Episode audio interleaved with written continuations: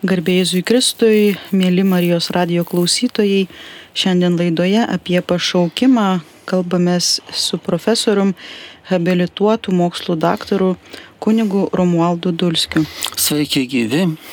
Iš karto noriu jūsų paklausti, ar kiekvienas žmogus turi pašaukimą, gal tik kunigai ir vienuoliai, panašiai kaip apaštalais, juk ne visus Jėzus pašaukė, bet tik 12 vyrų. Ar yra toks pašaukimas, į kurį Dievas kviečia visus be išimties? Kokių būna pašaukimų? Žinoma, kad geroji žinia yra ta, kad mes visi esame pašaukti, visi turime pašaukimą į pilnatvę, ką krikščionybėje įvardiname kaip pašaukimą į šventumą. Ta savoka gali kiek gazdinti, bet galėtume ją turbūt teisėtai interpretuoti kad tai pašaukimas į visą vertę asmenybės brandą dvasinę ir moralinę brandą. O tie vadinamieji specialūs pašaukimai, kai Dievas pašaukia pranašus Senam testamente ar apaštalus Jėzus, jie nurodo jau tokį specialų mūsų gyvenimo kelią ir specialų ypatingą Dievo įsikišimą į mūsų gyvenimą. Ir Galbūt čia vertėtų atsiminti šventąjį Joną Kasijoną, bažnyčios tėvą ketvirto, penkto amžiaus, kuris kalba apie tris pašaukimo būdus. Tėvas tiesiogiai kartais pašaukia žmogų, duoda jam tokią idėją, kuo jam būti. Kartais e, tas pašaukimas ateina per kitus žmonės. Ir trečia, pašaukimas gali ateiti per kokį nors įvykį, pavyzdžiui, artimųjų mirtį, ypač ankstyvą artimųjų mirtį, arba asmeninę nelaimę, kuri žmogų sukrečia ir, bet ne tik sukrečia, bet kažkaip prakalba Dievas tame įvykyje. Jonas Kasjonas sako, kad šie trys būdai ne vienodi savo kilnumu, reiškia kilniausias tarsi toks jau kada pats Dievas pašaukia žmogų. Antrasis, to, kada per žmogų ateina. Ir jis duoda pavyzdžių iš šventų raštų. Pavyzdžiui, Abraomo pašaukimas, kada pats Dievas jam prabilo. Arba kai per Mozę Dievas pašaukė visą tautą išeiti iš Egipto. Ir trečias tas per kokį nors įvykį, kaip pavyzdžiui, žydų tauta patekdavo į priešų priespaudą, pralaimėdavo mūšius, karus ir tuomet susiprasdavo kad jiems reikia atsigręžti į Dievą. Bet kas labai svarbu, ką Jonas Kasijonas pasako po to, kad nors šie trys pašaukimo būdai nėra lygus savo kilnumu, bet svarbiausia ne tai, o kaip žmogus atsiliepia į tuos pašaukimus, kaip didžia dvasiškai. Ir tai yra lemiantis dalykas gali Dievas pašaukti tiesiogiai žmogų, bet tai žmogus bus, nu, vangus arba, taip sakant, nu, nesistengs ugdyti savęs, priimti to pašaukimo, nepasiruoš jį įgyvendinti tinkamai. Tai ir nebus sėkmingai įgyvendintas. Ir gali būti žmogus sukrėstas kokios nelaimės, bet e, toje nelaimėje suvokęs e, Dievą ir išganimo kelią, e, visą savo sielą ir visomis jėgomis grežiasi į Dievą ir tada įgyvendina savo pašaukimą sėkmingesniu būdu. Todėl galime šiandieną ne tiek galvoti apie, sakykime, tą specifiką pašaukimo kunigo, vienuolio ar pasaulietčio, tą tradicinį tokį suskirstimą, kurį turime katalikų bažnyčios tradicijoje, bet daugiau apie kiekvieno bet kokio pašaukimo kokybę kokiam pašaukime bebūtume, gal netiek svarbu specifika, kiek svarbu branda to pašaukimo. Suvokti, įsisamoninti ir visavertiškai nuolatos. Testinė užduotis, sakytume, gyventi tuo pašaukimu, jį e, įgyvendinti. Atrodo, kad pati bažnyčia laikui bėgant atranda vis naujų gyvenimo būdų, į kuriuos žmonės kviečia šventoji dvasia. Na, pavyzdžiui, šventųjų pasauliečių institutai atrodo yra gana naujas reiškinys. Tikrai šiandieną pasaulis mūsų suvokiamas kaip kintantis, kad viskas kinta ir aišku, kad randasi naujų pašaukimo formų, naujų pavydalų. Iš viso žmogaus pašaukimas susijęs nu, su kintamybė, kaip ir žmogaus fenomenas, kas mes esame. Mes esame žmonės, kuriems skirta gyventi istorinėme kontekste, tai reiškia nuolat kintančiame pasaulyje. Ir teologinėme diskurse dėrėtų rimčiau traktuoti žmonijos ir religijos raidą. Ne tik žmonija yra nuolatinėje raidoje, bet ir Josefas Ratzingeris, popiežius Benediktas XVI yra kalbėjęs ir rašęs apie religinės žmonijos sąmonės evoliuciją arba raidą. Todėl tai labai svarbu turbūt ir mums, kad suvoktume save ir save kaip individus, kaip atskiras asmenybės, suvokti, kad metafizinė žmonijos patirtis yra nuolatinėje raidoje ir tai yra, kaip sakome, Dievo išganimo ekonomijos dalis. Ir taip pat ir religijos raida vyksta ir, ir ją priimti yra turbūt Dievo valia, nes Dievo valia vyksta religi, religijų ar religijos raida ir tai yra gėris, nes žmonija tobulėja, keičiamės, augame, bręstame, suprantame, randasi supratimas. Ir supratimas ir apie dieviškuosius dalykus, ir apie žmogų, kas mes esame, vis, nusakytume, išsamesnis arba gilesnis. Todėl įsisamoninti, suvokti ar priimti tą žmonijos būtį kaip raidą, ne kaip stabilų buvimą, tai rasti ir išvalgų į savo pašaukimą. Ir nepaliaujama religinė žmonijos sąmonės raida atveria naujus dvasinės žmonijos raidos etapus. Ir šitam kontekste ir asmens pašaukimas taip pat suvoktinas kaip nuolatinė raida. Pasirinkę kokį nors pašaukimą mes nesame jo galutinai suvokę, net ne tik, kad įgyvendinę, ne tik, kad išmokę gyventi tuo pašaukimu, bet ir supratę, kur jo esmė.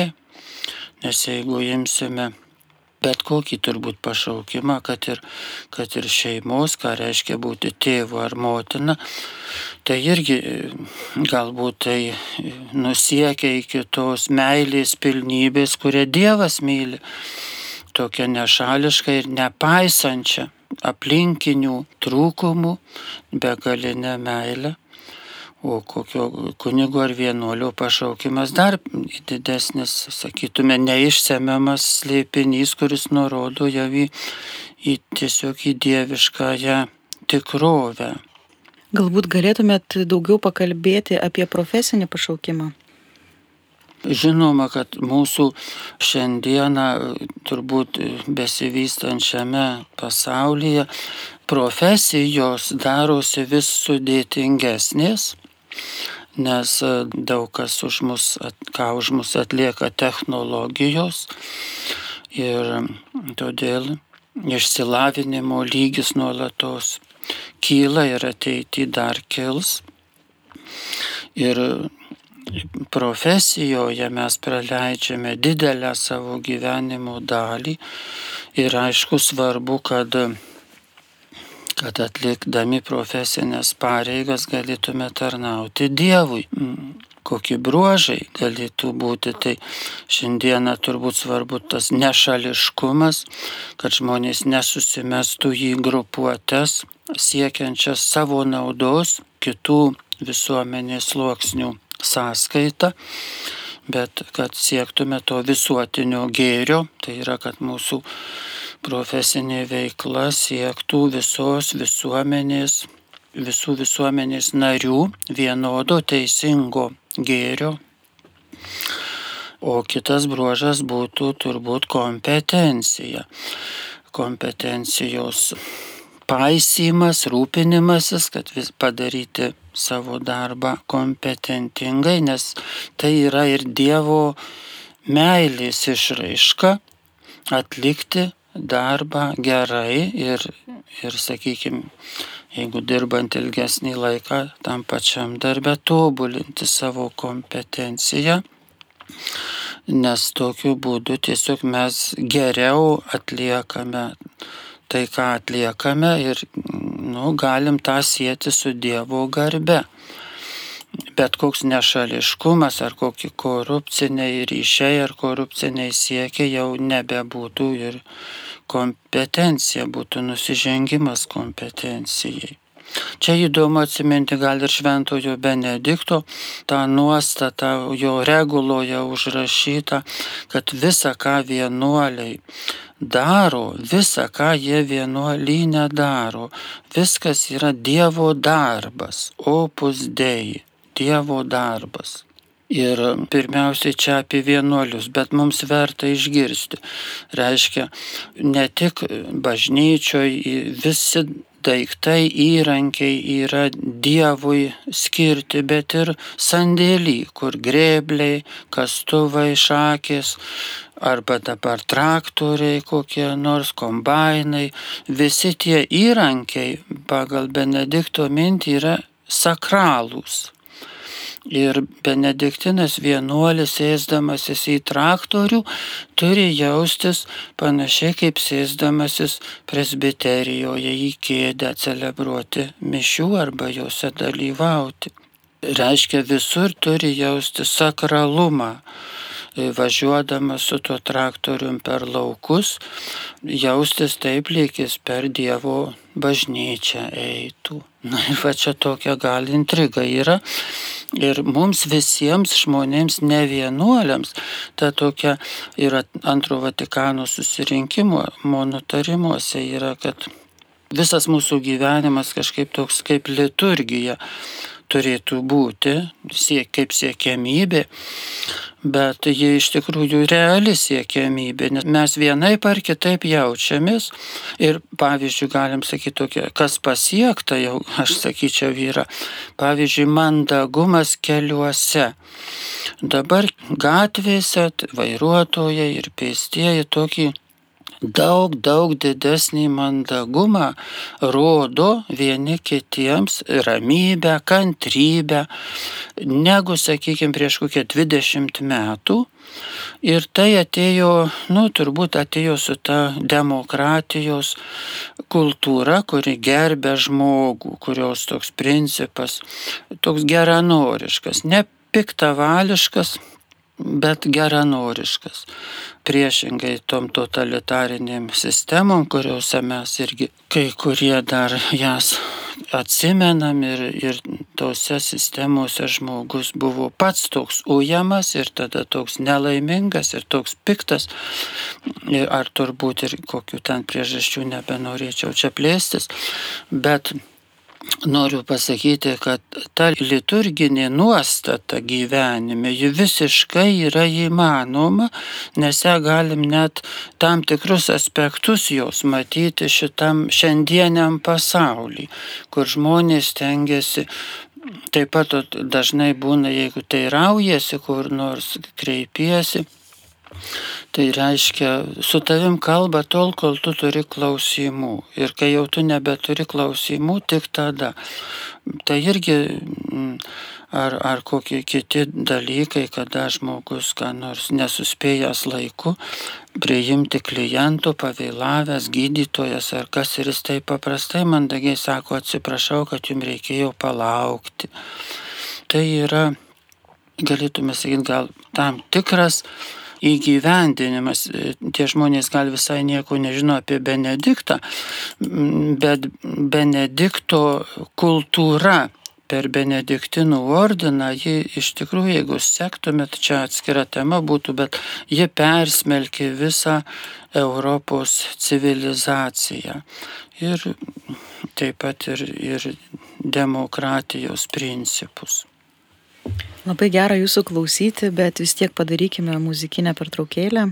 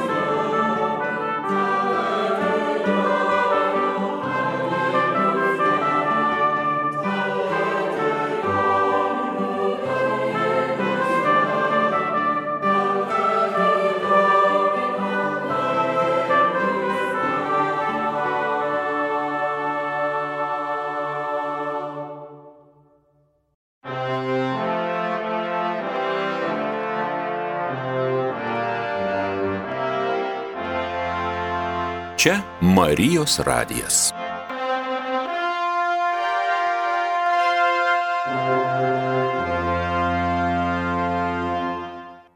Sveiki sugrįžę į laidą, kurioje kalbame apie pašaukimą. Laidos svečias profesorius, habilituotas mokslo daktaras kunigas Romualdas Dulskis. Noriu paklausti, kaip Dievas mus veda kasdienybėje ir kaip surasti ir suprasti savo pašaukimą?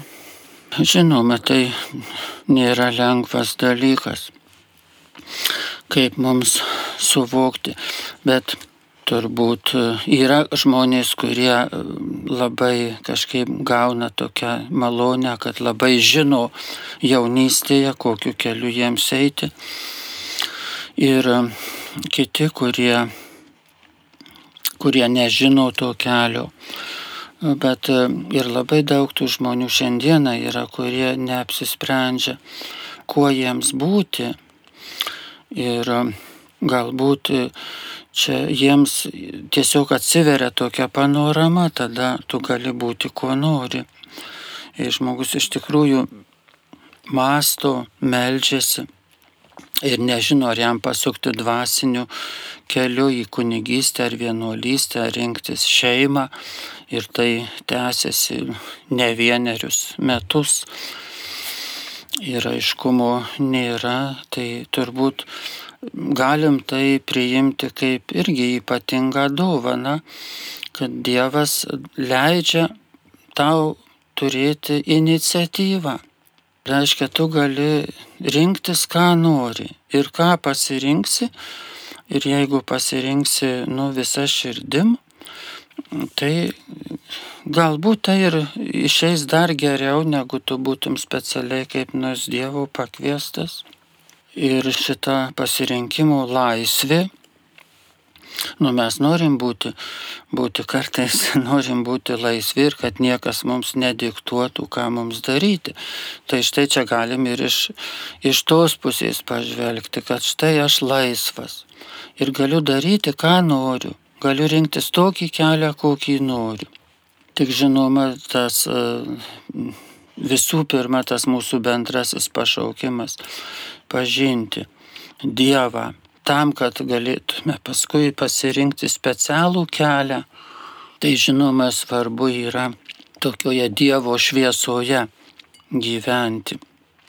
O mūsų tie dvasiniai pašaukimai šiandieną turbūt daug yra, kaip sakant, tokio mąstymo, kad tai ateina iš sekuliaraus pasaulio, kad žmonės nenori būti kunigais ar vienuoliais. Labai nedaug tokių jaunuolių ir dėl to, kad jie, jie gyvena sekuliariai Ir turbūt, žinoma, tai yra be abejo ta priežastis, bet iš bažnytinės pusės būtų turbūt savi apgaulinga vien tik tame matyti priežastis ir nematyti, kad kaip nors bažnyčiai reikia kokių tai reformų, ir galbūt labai svarbių, kad nes tie pašaukimai kunigystės ir vienuolystės, jie, nu, kaip sakant, realizuojami mūsų laikais, mūsų kultūroje, mūsų krikščioniškame tikėjime, jie realizuojami bažnyčioje. Tai kunigas, jis iš tikrųjų šiandieną dažnai gal ta kunigystė taip sumenkintai, gal galima būtų pasakyti, įsivaizduojama įvairiuose sferose, kad kunigas toks turi būti, toks, va taip vaikščioti ten kaip nors, va apsirengęs, va tai būti ir kažkaip labai tvarkingai visur pasirodyti, gražiai, mandagiai šypsotis ir panašiai ir atlikti tam mišes laikyti ir ten ir tą ir ana, ir ana, krikštyti, tuokti, laidoti ir panašiai. Čia kunigystė yra.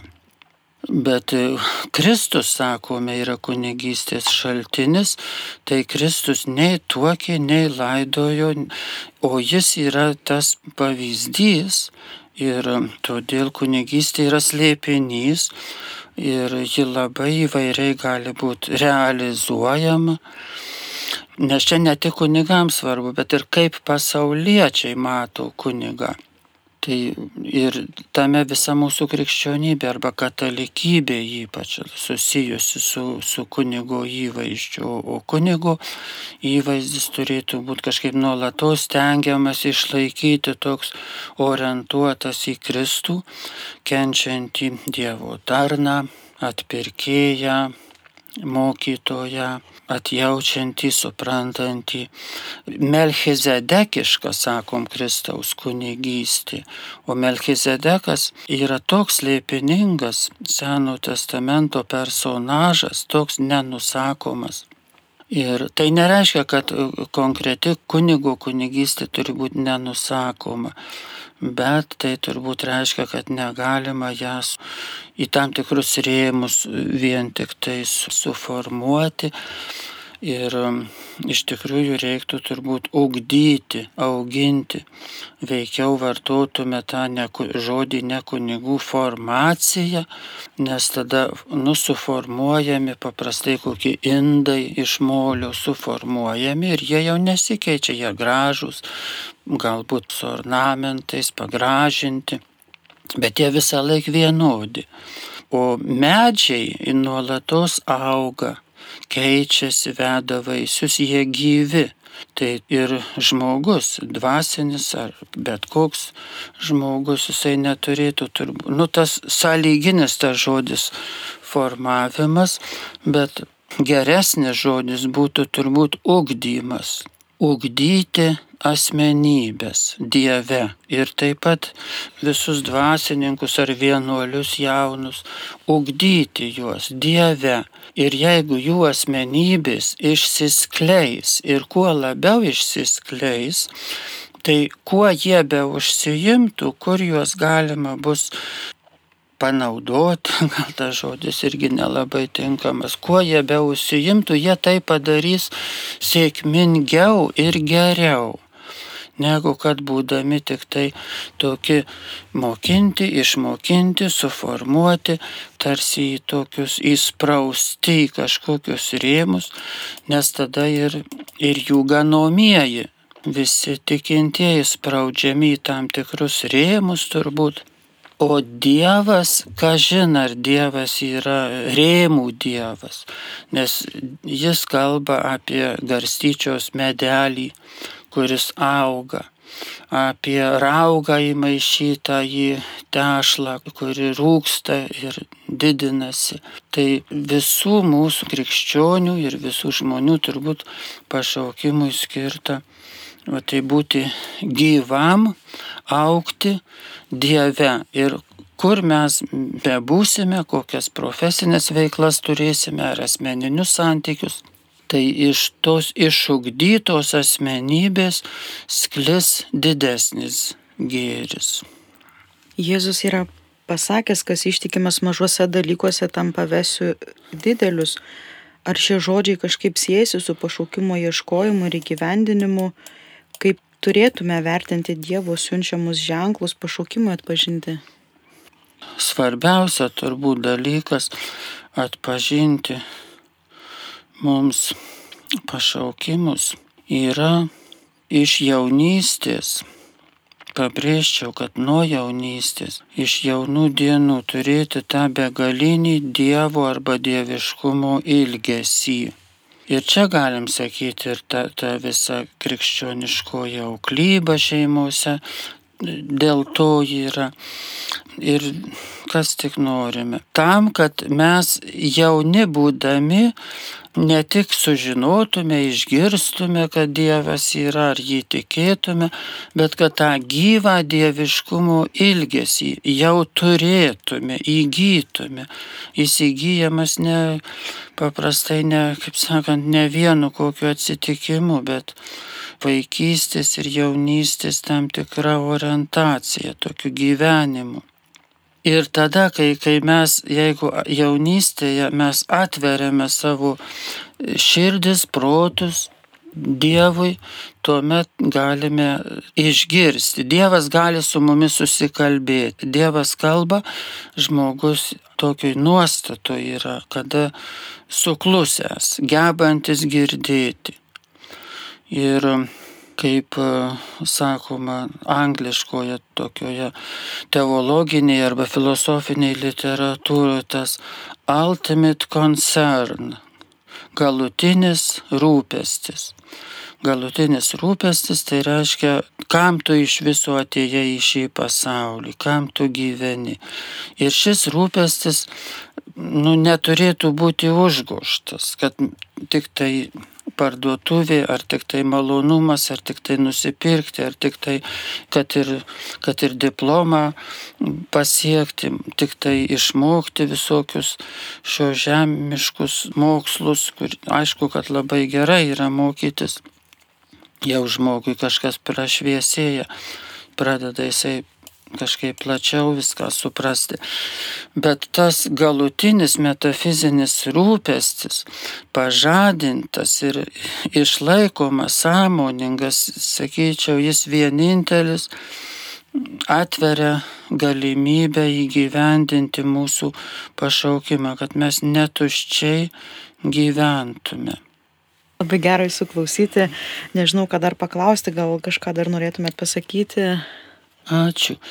Nu, va, visi, kurie ir nesame jau, sakykime, visiškai jauni, arba kad ir jauni, bet jau pasirinkę savo pašaukimo kelią. Ir ir iki, iki pat savo gyvenimo pabaigos mes turime tokį turbūt tą dinaminį aspektą savo pašaukimo, kuris ne visada mūsų tinkamai gal suvokiamas, net įvertinamas, kad savo pašaukime, savo gyvenime turbūt Dievas taip nori, kad mes turėtume pažangą galėtume vis geriau ir yra ką suprasti.